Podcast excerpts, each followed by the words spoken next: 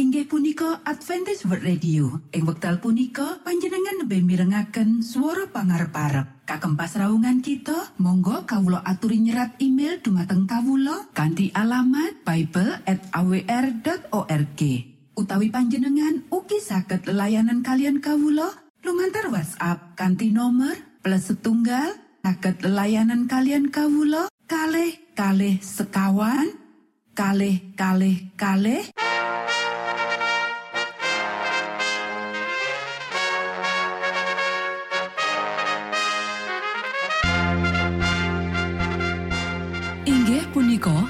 Adventis World Radio ingkang giaran kanti basa Jawi.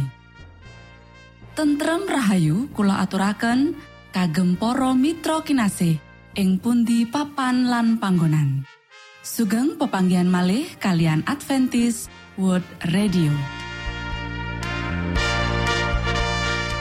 Kanti bingahing manah Kulo badi sesarengan kalian poro Mitra kinasih lumantar saperangan adicara ingkang sampun rinonci mligi kagem panjenengan sami.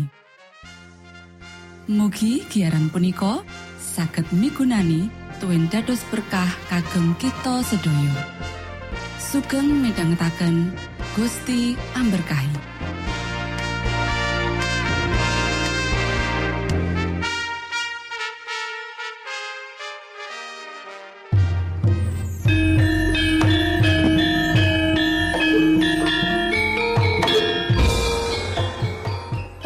Para pamirsa kinasih ing Gusti Yesus Kristus.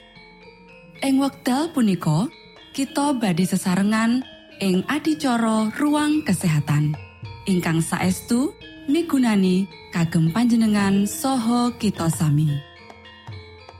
Tips utawi pitedah ingkang dipun aturaken ing program punika tetales dawuhipun Gusti ingkang dipunnyatakaken ing kitab suci. Semantan ugi sakehing seratan ingkang dipun wangsitaken dening Gusti Allah. Nanging saderengipun monggo kita sami midhangetaken kidung pujian.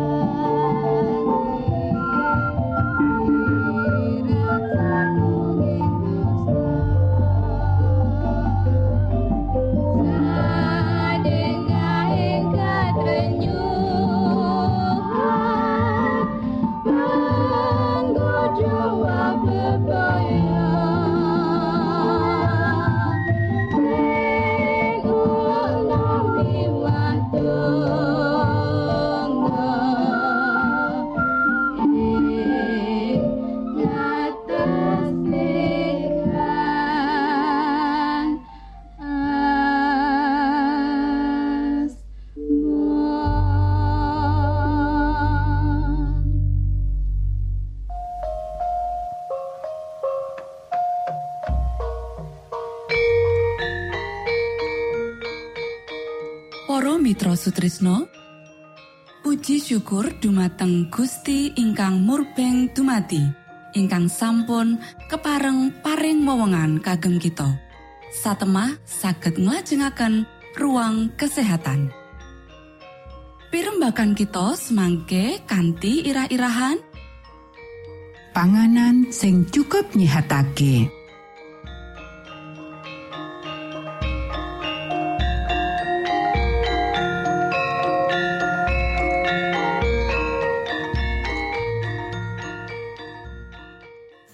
Dumateng para pamirsa ingkang dahat kinormatan sugeng pepanggian malih kalian kula Isti Kurnaidi ing adicara ruang kesehatan. Ing dinten punika kanthi irah-irahan panganan sing cukup nyihatake. Para sederek ingkang kinasih Amarga mangan mung kanggo maremake selera sing rusak ya iku salah.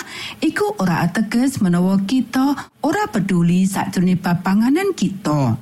Iku ya iku masalah kebutuhan utama. Ojo ana wong mangan kanthi cara sembarangan. Akeh wong sing diringkehake amarga lelara lan merlokake panganan sing dimasak kanthi apik nganti panganan iku nyihatake. Saandure kabeh bab, para reformator kesehatan kudu ngati-ati tumrap kebangetan. Badan merlokake panganan sing cukup nyihatake. Gusti Allah ing sakjroning katresnane njangkepi manungsa karo panganan sing nyokong kesehatan badan jroning kahanan sing paling becik. Kanggo ngentuki kesehatan sing becik, kita kudu nduweni getih sing becik amarga getih iku sing nguripake kita. Getih iku ndandani lan ngrumat badan. Menawa getih iku diisi karo unsur panganan sing becik, lan menawa getih iku diresiki lan diuripake dening hawa resik mula iku bakal nggawa panguripan lan kekuatan marang saben organ badan. Sansaya sampurno peredaran getih sansaya becik pakarian bisa dilakokake. Para sederek Gusti wis nyangkepi manungsa karo sarana sing limpah kanggo maremake selera sing durung rusak Gusti Allah maringake ing ngarepe manungsa kabeh hasil bumi kanthi jinis sing maneka warna sing cocok karo selera lan bergizi. Ngenani bab iki, Romo kita ing swarga kang welas asih ndawuhake supaya kita mangan iku kanthi mardika. Woh-wohan, wiji-wijian lan jejanganan sing dicawesake kanthi cara sing prasaja, bebas saka bumbon-bumbon lan kabeh macem kajeh bakal dadi panganan sing paling nyihatake menawa dicampur karo sedidik susu utawa krim. Panganan iku bakal ngrumat badan, menehi kuasa daya tahan lan kekuatan intelek sing ora ana sakjroning panganan sing rangsang. Para sederek, kabeh sari panganan sing kita perlokake ana ing sakjroning wiji-wijian, wowoan, kacang-kacangan lan jejanganan. Menawa kita marak ing ngarsaning Gusti kanthi kaprasajan pikiran panjenengane bakal ngulang kita. Kepiye carane nyawisake panganan sing nyehatake? Bebas saka panganan daging sing rusak kesehatan.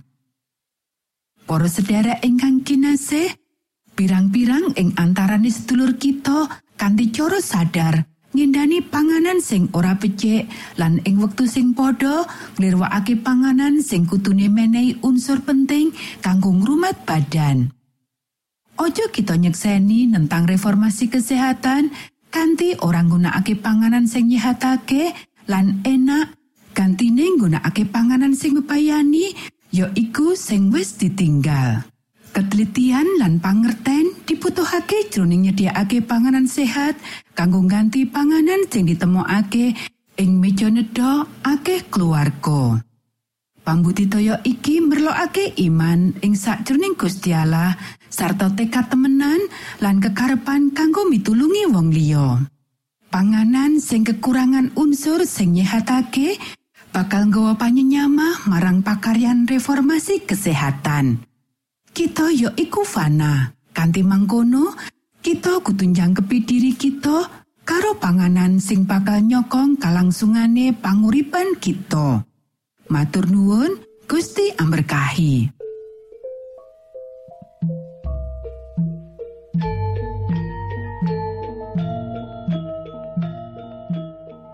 Cekap semanten pimbakan ruang kesehatan ing episode dinten punika.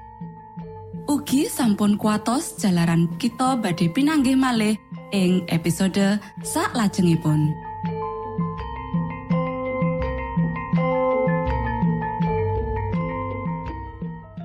Inggih punika adicara ruang kesehatan.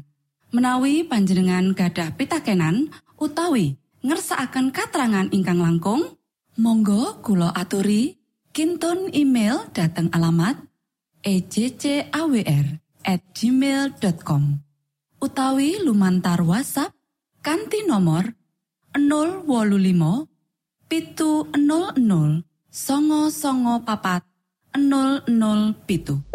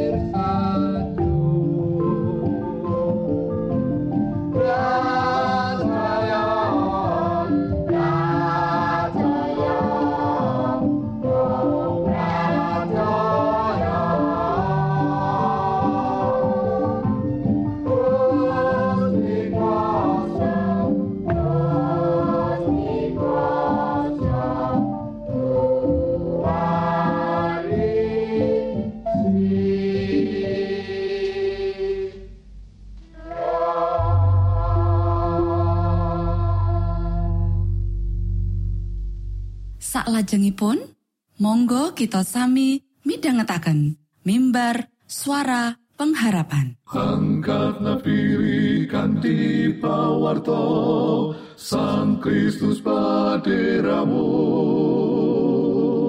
Pro umat samyo puji asmanyo Sang Kristus paderamu. Inggih punika mimbar suara pengharapan.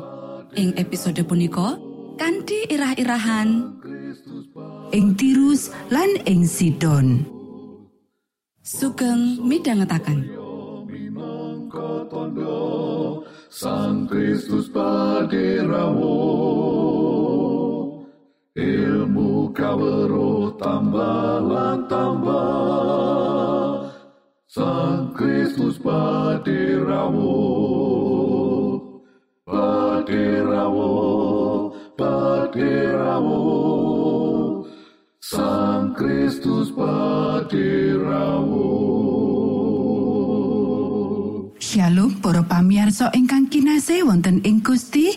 Sakmenika kita badhe mitangetaken renungan Sabtu pangantikanipun Gusti. Ing dinten punika kanthi irah-irahan ing Tirus lan ing Sidon. Para sedherek ingkang kinasih Para ahli kitab suci percaya menawa kitab Injil Matius wis kaserat mligi kanggo pemause wong-wong Yahudi. Lan menawa kitab Markus wis kaserat mligi kanggo wong-wong sakjabane Yahudi. Ya iku mitulungi banget kanggo mangerteni pambetane iki nalika kita nyinauni kitab-kitab Injil. Ayo kita waca Matius pasal 15 ayat 22 nganti 28. Tumuli ana wong kanaan saka ing jajahan kono kang teka kanting wuh-wuh. Duh Gusti, tedhakipun Sang Prabu Daud, kawula mugi paduka paringi kawelasan. Anak kawula estri kapanjingan demit mesakaken sanget. Nanging Gusti Yesus ora kersa paring wangsulan babar pisan. Para sakabate padha ngadep lan munjuk marang Gusti Yesus. Tiang punika kadhawuhana kesah dene kok ngetutaken kita kalian pengok-pengok. Banjur Gusti Yesus mangsuli pangantikane. Aku mung utus marani wedhus-wedhus Bani Israel kang padha ilang bae. Nanging wong wadon mau banjur marak lan sujud ing ngarsani Gusti Yesus sarta matur. Duh Gusti nyuwun tulung. Nanging Gusti Yesus mangsuli pangantikane. Ora bener wong jupuk rotine anak-anak banjur diuncalake marang asu. Atur wangsulane wong wadon, kasinggihan Gusti, nanging segawon rak inggih sami nedha cuwil-cuwilan ingkang dawas saking mejaning pendaranipun. Ing kuno Gusti Yesus tumuli paring wangsulan pangandikane, "Hei wong wadon, kok gedhe pangandelmu? Mulane katekono apa kang dadi karepmu?" Lan sak nalika iku uga anake wong wadon mau banjur waras. Para sederek, ayo dikatekake kepiye Matius nggambarake ibu iki kanthi nggunakake kebangsaane utawa sukune yaiku Kanaan. Ing kitab Markus, kanthi tinuntun dening Sang Roh Suci nggunakake sanepan tambahan kanggo nggambarake ibu iki dadi wong Yunani utawa wong sakjabane Yahudi. Lan banjur maringake tambahan keterangan bangsa Siro Fenisia utawa Shira saka Fenisia. Ing endi mung sepisan iki wae istilah kuwi digunakake ing kitab suci. Ayo dikatekake kepiye cerita ing kitab Matius pasal 15 iki maringake pangaribawa marang pemaus utama kang dadi tujuane Matius. Kanti latar mburi lan cara nyawange wong-wong iku. Pemause kitab Injil Matius bakal nyawang si ibu iki minangka wong kafir kang dikedingi. Babakan iki teka saka pengalaman sejarah wong Yahudi karo wong-wong Kanaan kang minangka golongan wong-wong kang nyembah prahala kanthi pakulinan lan praktek-praktek kang ala kang wis suwe banget dadi watu sandungane kanggo bangsane dhewe. Malah para pandereke Sang Kristus ora nyawang kemungkinan yang wanita iki duweni kapitayan lan minangka perangan saka kratoning Allah. Ing Markus pasal pitu Pemaose Markus ya iku wong-wong kang ana sakjabane Yahudi bakal duweni anggapan kang beda kabanding karo pemaose Matius. Wong-wong ing sakjabane Yahudi iki ora duweni pengalaman kang padha kaya dene dialami wong Yahudi karo bangsa Kanaan. Kosok wangsule, wong-wong kang dudu Yahudi iki bakal rumangsa dheweke padha kaya dene wong wadon iku. Sawijining wong Yunani keturunane Siro Fenisia. Para sederek, Gusti Yesus nyarasake sawijining saka wong-wong iku. Kanggone para wong-wong kang dudu Yahudi, wanita iki kaanggep dadi sawijining ibu kang ngasihi lan peduli marang nasibe saka putrine lan pepinginane supaya Gusti Yesus nyarasake. Kawetu saka latar mbuli suku lan bangsane saka ibu iki. Para sederek, Sang Kristus ora enggal-enggal paring wangsulan menggaing panyunane wanita iku. Panjenengane nampa wakil saka bangsa sing diremehake kaya sing bakal ditindakake dening wong Yahudi. Ing papakan iki, Gusti Yesus ngrancang supaya para sakabate kudu antuk kesan kanthi ndeleng cara sing adem lan ora duwe ati sing ditindakake dening wong-wong Yahudi ing kasus kaya mangkono. Kaya sing dibuktekake dening anggone nampani wong wadon kasebut sarta cara kang kebak ambek welasan kang kutune wong-wong iku gunakake sakjroning nindakake kasangsaran kaya iku. Kaya dene kang dinyatakake nalika ing pungkasane Gusti Yesus ngabulake panyunane. Monggo kita sami ndedonga. Duh Rama kawula ingkang wonten ing swarga, asma patuko mugi kasucikaken. Kraton patuko mugi rawuh, Karso patuko mugi kalampahan wonten ing bumi kados dene wonten ing swarga. Kawula mugi kaparingan rejeki kawula sak cekapipun ing dinten punika. So patuko mugi ngapunten kalapatan kawula kados dene kawula inggih ngapunteni tetiang ingkang kalepatan dhateng kawula.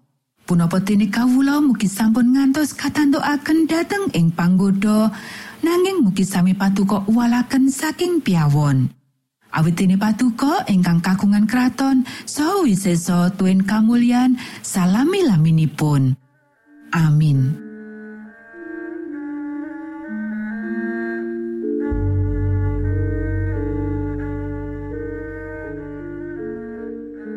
Para Mitra Sutrisno pamiarsa kinasih ing Gusti Yesus Kristus. Sampun paripurno pasamuan kita ing dinten punika.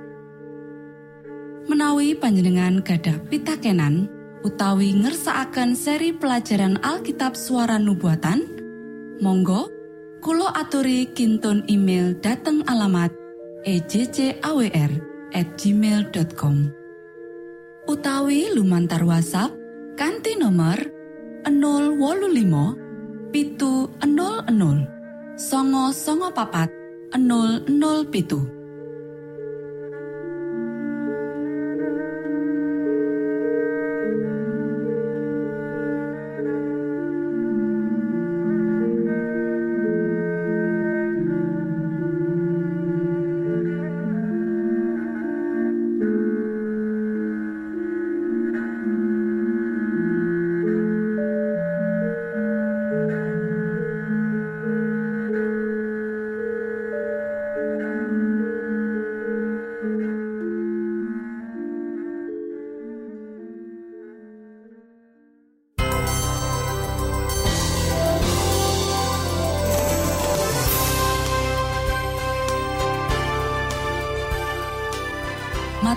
Nuwun kagem wektalipun kita badhe pinanggih malih ing gelombang ugi wekdal ingkang sami.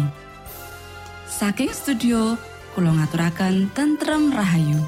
Gusti amberkahi kita sedaya. Maranata.